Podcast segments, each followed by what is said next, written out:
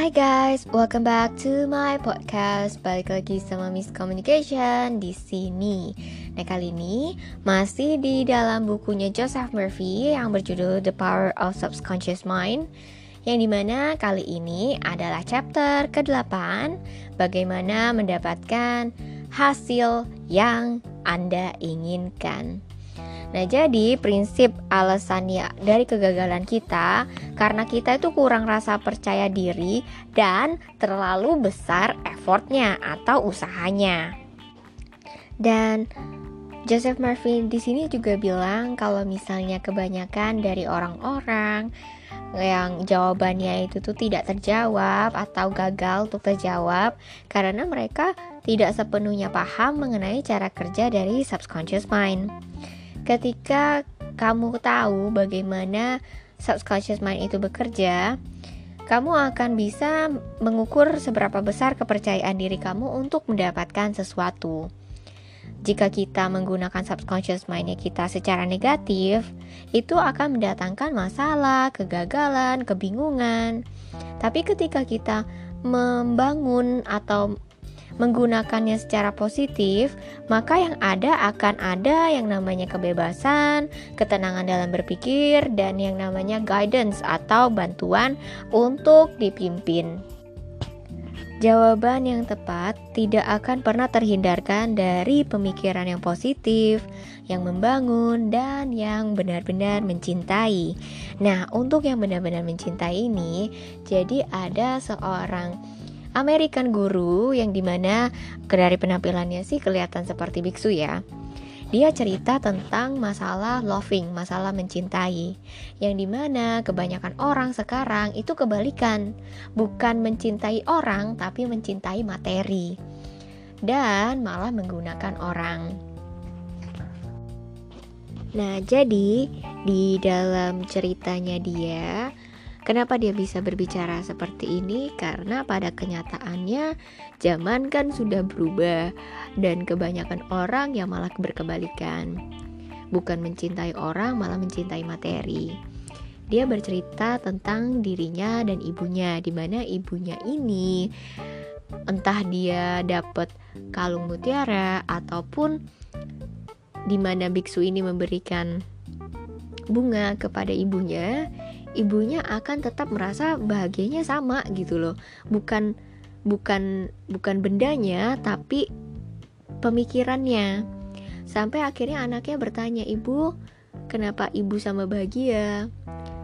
Yaitu karena ibu memberikan makna bukan pada bendanya tetapi pada orangnya yang memberikan. Sehingga dia mengajarkan untuk kita sebagai manusia mencintai orang bukan mencintai pemberiannya. Selanjutnya, the only thing you have to do in order to overcome failure. Jadi satu-satunya cara yang bisa kita lakukan untuk mengatasi kegagalan itu masuk ke dalam subconscious mind untuk menerima ide-ide atau permintaan dengan merasakan hasilnya sekarang. Dan hukum dari pemikiran ini yaitu subconscious mind yang akan melakukan sisanya. Turnover um, maksudnya sebaliknya dari iman, kepercayaan diri, dan subconscious mind yang akan mengambil alih dan menjawab apa yang menjadi doanya kita. Karena kita akan selalu gagal untuk mendapatkan hasil dengan mencoba menggunakan pemikiran yang dipaksakan. Jadi kalau misalnya kita berpikir ya jangan dipaksakan. Kita perlu rileks, kita perlu membangun sesuatu yang positif positif. Karena subconscious mind ini bisa bekerja hanya ketika kita rileks dan positif, yang mencintai, yang membangun, yang yang baik, yang tidak khawatir, tidak yang jelek-jelek, lebih kepada apa yang dipandang benar dan baik.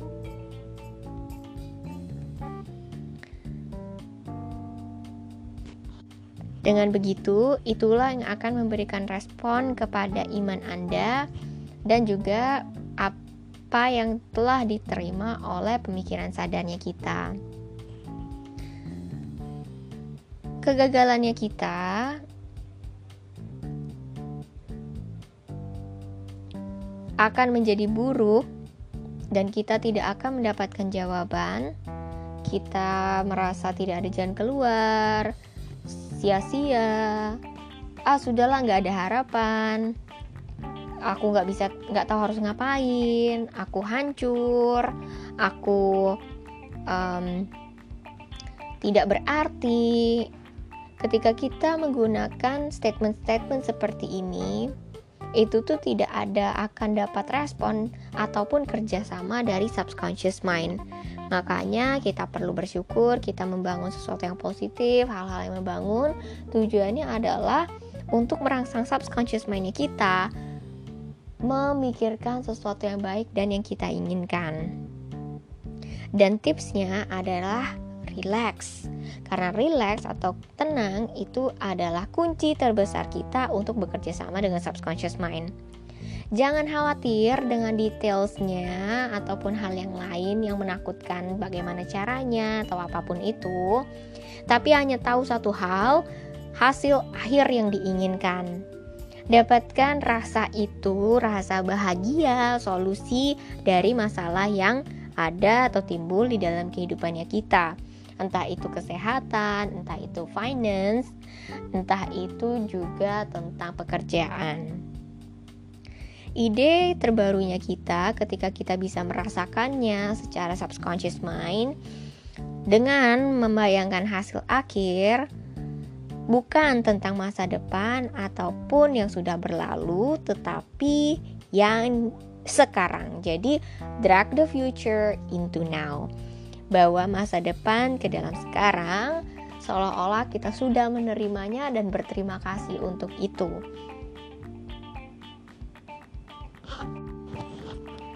Simpulkan bahwa kita tidak ada yang namanya lawan ataupun kekuasaan dan kehendak, tetapi imajinasi yang di mana ini tuh imajinasi tentang hasil akhir yang kita inginkan dan juga kebebasan untuk menyatakan pernyataan yang diinginkan dalam menggunakan subconscious mind. Jadi yang namanya subconscious mind itu tidak ada paksaan, tidak ada juga yang namanya lawan.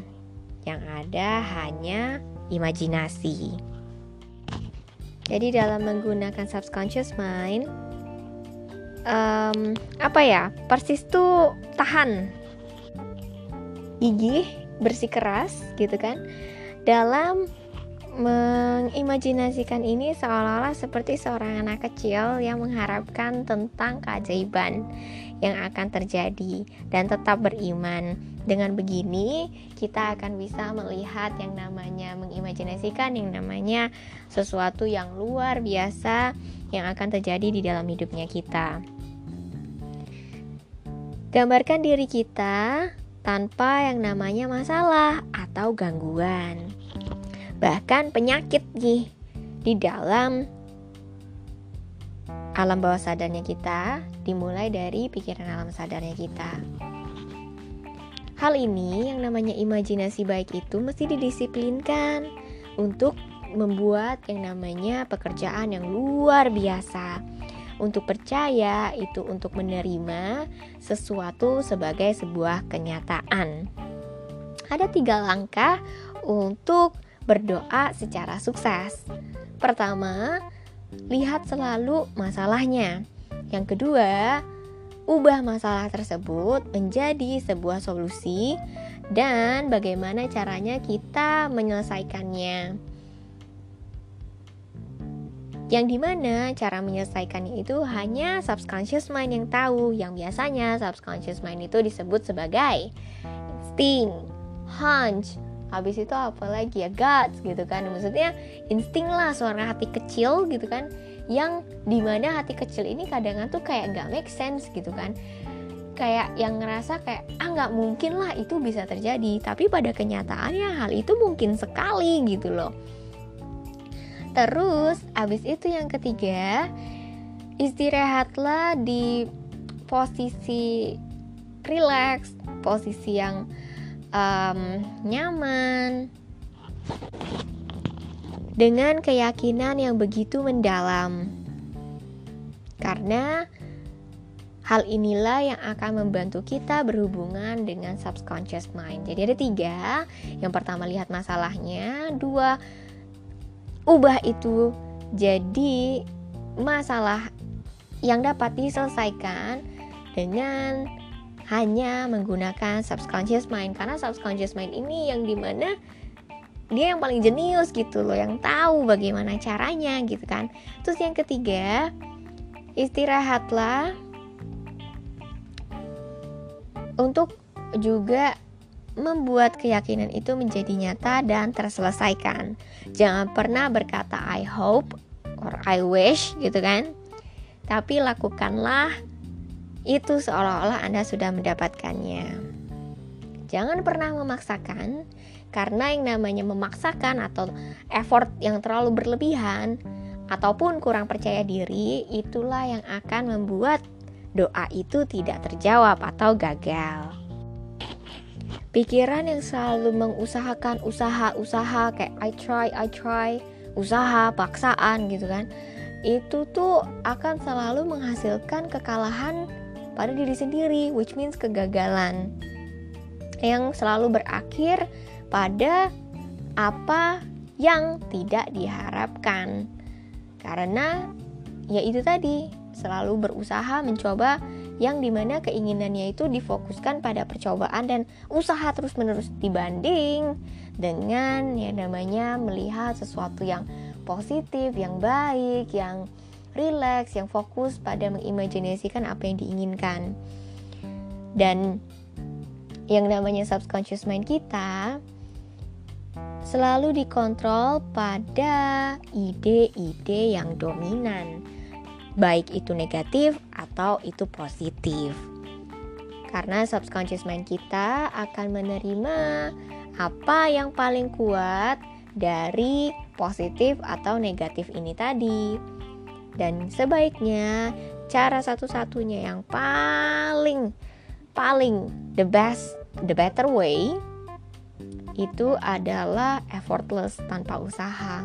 Dengan relax dan yakin pada apa yang kita bisa dapatkan. Karena kita kan beriman, kita tidak memaksakan sesuatu.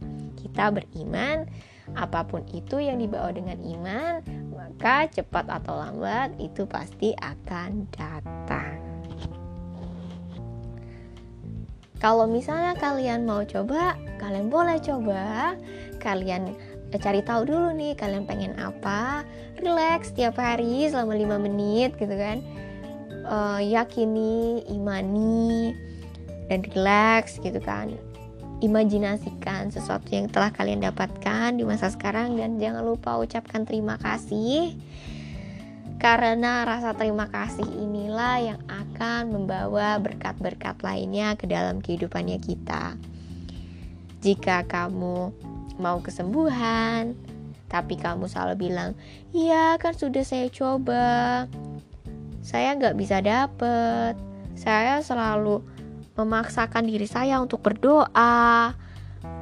Dan saya memaksakan atau selalu menguasakan diri saya untuk punya keinginan yang kuat untuk punya. Hal-hal seperti ini yang membuat error itu terjadi di dalam usahanya kita. Anda perlu sadar dalam menyadari keeroran itu di dalam usahanya kita, jangan pernah memaksakan subconscious mind untuk menerima ide-ide yang kita latih dengan rasa terpaksa.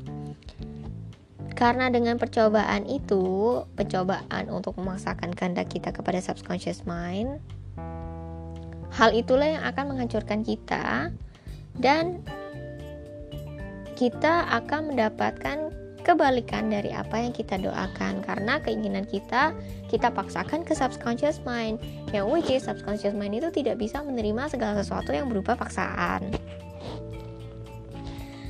kalau misalnya di sini J, uh, Joseph Murphy sendiri memberikan contoh ketika kita waktu ujian nih. Kita kan lagi coba inget-inget jawaban apa statement apa yang kira-kira jadi soal.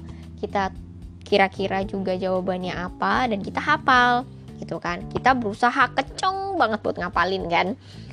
Nah tapi anehnya waktu ujian dimulai kita mau mengisi jawaban eh kok gagal pas kita keluar dari kelas itu dan sudah selesai ujian dan kita pikirannya kan kembali relax gitu kan kita tuh malah inget jawabannya itu apa ya ampun ternyata jawabannya ini Kok aku baru ingat sekarang ya? Itulah yang menjadi jawaban kenapa subconscious mind itu tidak bisa dipaksakan. Subconscious mind hanya bisa dilakukan dengan dalam keadaan rileks dan penuh rasa percaya diri. Segala sesuatu yang dirasakan dengan keterpaksaan, ya ujung-ujungnya ya nggak dapet gitu malah yang kejadian ya sebaliknya. Jadi ada yang namanya hukum kebalikan dari usaha.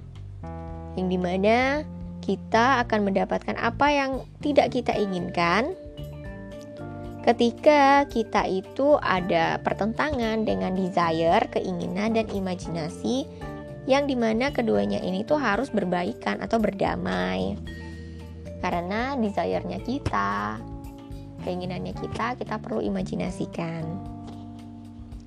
dan imajinasi itu perlu ditanamkan rasa percaya yang tinggi dan rasa rileks yang tinggi agar subconscious mind itu menerima tidak dengan paksaan. Seperti yang dikatakan dalam Matthew 18:19. Matius pasal 18 ayat 19 yang berkata, "Jika dua dari kamu setuju di bumi Untuk menginginkan apa pun, hal ini akan terkabulkan. Hal ini bisa terkabulkan berdasarkan kehendak Bapakku yang di surga. Dalam artian ketika sesu dua orang atau tiga orang berkumpul, maka di situ ada Allah yang mendengarkan doanya kita. Nah, siapa sih dua ini? Itu siapa? It means artinya keselarasan atau keharmonisan hubungan antara pikiran sadar kita dan pikiran alam bawah sadar kita tentang ide apa pun, keinginan, mental image, usaha gitu kan. Usaha uh, bukan usaha sih, tepatnya hasil akhir dari apa yang diinginkan melalui pemikiran kita. Ketika tidak ada pertentangan itu dan merupakan sudah merupakan bagian gitu kan dari antara conscious dan subconscious, maka jawaban doanya kita itu akan terjawab. Kita dan apa yang kita inginkan, pemikiran kita dan perasaannya kita, ide-ide dan emosi, desire, hasrat dan imajinasi. Maka oleh sebab itu, hindarilah yang namanya konflik antara kedua ini, conscious dan subconscious, dengan cara masuk ke dalam posisi uh, pikiran yang rileks itu nggak ada beban. Karena kalau ada beban susah. Jujur saya juga ketika meditasi banyak pikiran juga susah gitu kan. Makanya harus ada di posisi yang rileks, posisi yang uh, bisa melihat alam, di posisi yang berpikir bahwa Tuhan baik, di posisi-posisi di mana kita bisa bersyukur. Karena dengan begini, conscious mindnya kita itu dilatih untuk berpikir positif yang baik-baik dan hal itu yang akan dibawa ke dalam subconscious mind. Ketika kita bisa mengimajinasikan segala sesuatu yang baik dan merasa bahwa itu bisa kita dapatkan, pencapaian itu sudah bisa kita dapatkan, sudah bisa kita terima, maka pikiran subconscious mindnya kita membawa hasil itu pada kenyataan. Dan itulah yang akan kita terima karena kan kita tahu apa yang kita inginkan dan kita tahu juga bagaimana cara menggunakannya baik itu tentang masalah, baik itu tentang kekayaan, baik itu tentang apa pun yang kita inginkan, selama kita rileks, kita yakin, kita percaya, kita itu bisa mendapatkan apa yang kita inginkan. Dan itu pasti yang terbaik untuk kita karena di situ ada berkat dari Tuhan yang memberkati apa yang kita inginkan di dalam hidup ini. Nah, perasaan yang namanya sehat uh, aku kok merasa baik-baik saja ya hari ini. Itu juga yang akan menghasilkan kesehatan.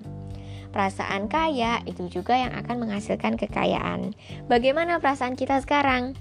Apakah kita merasa bahagia atau kita merasa tidak bahagia? Apakah kita merasa sakit? Apakah kita tidak merasa sakit? Itu tergantung dari apa yang kita rasakan. Karena apa yang kita rasakan itulah yang subconscious mind akan ciptakan. Oleh sebab itu, sebelum kita tidur, rasakanlah bahwa sesuatu itu yang merupakan pencapaian kita sudah tercapai lagi dan lagi dan lagi ketika kita tidur dan ketika kita bangun dengan rasa gembira. Semoga apa yang saya bagikan di sini bermanfaat untuk teman-teman sekalian dan have a great day.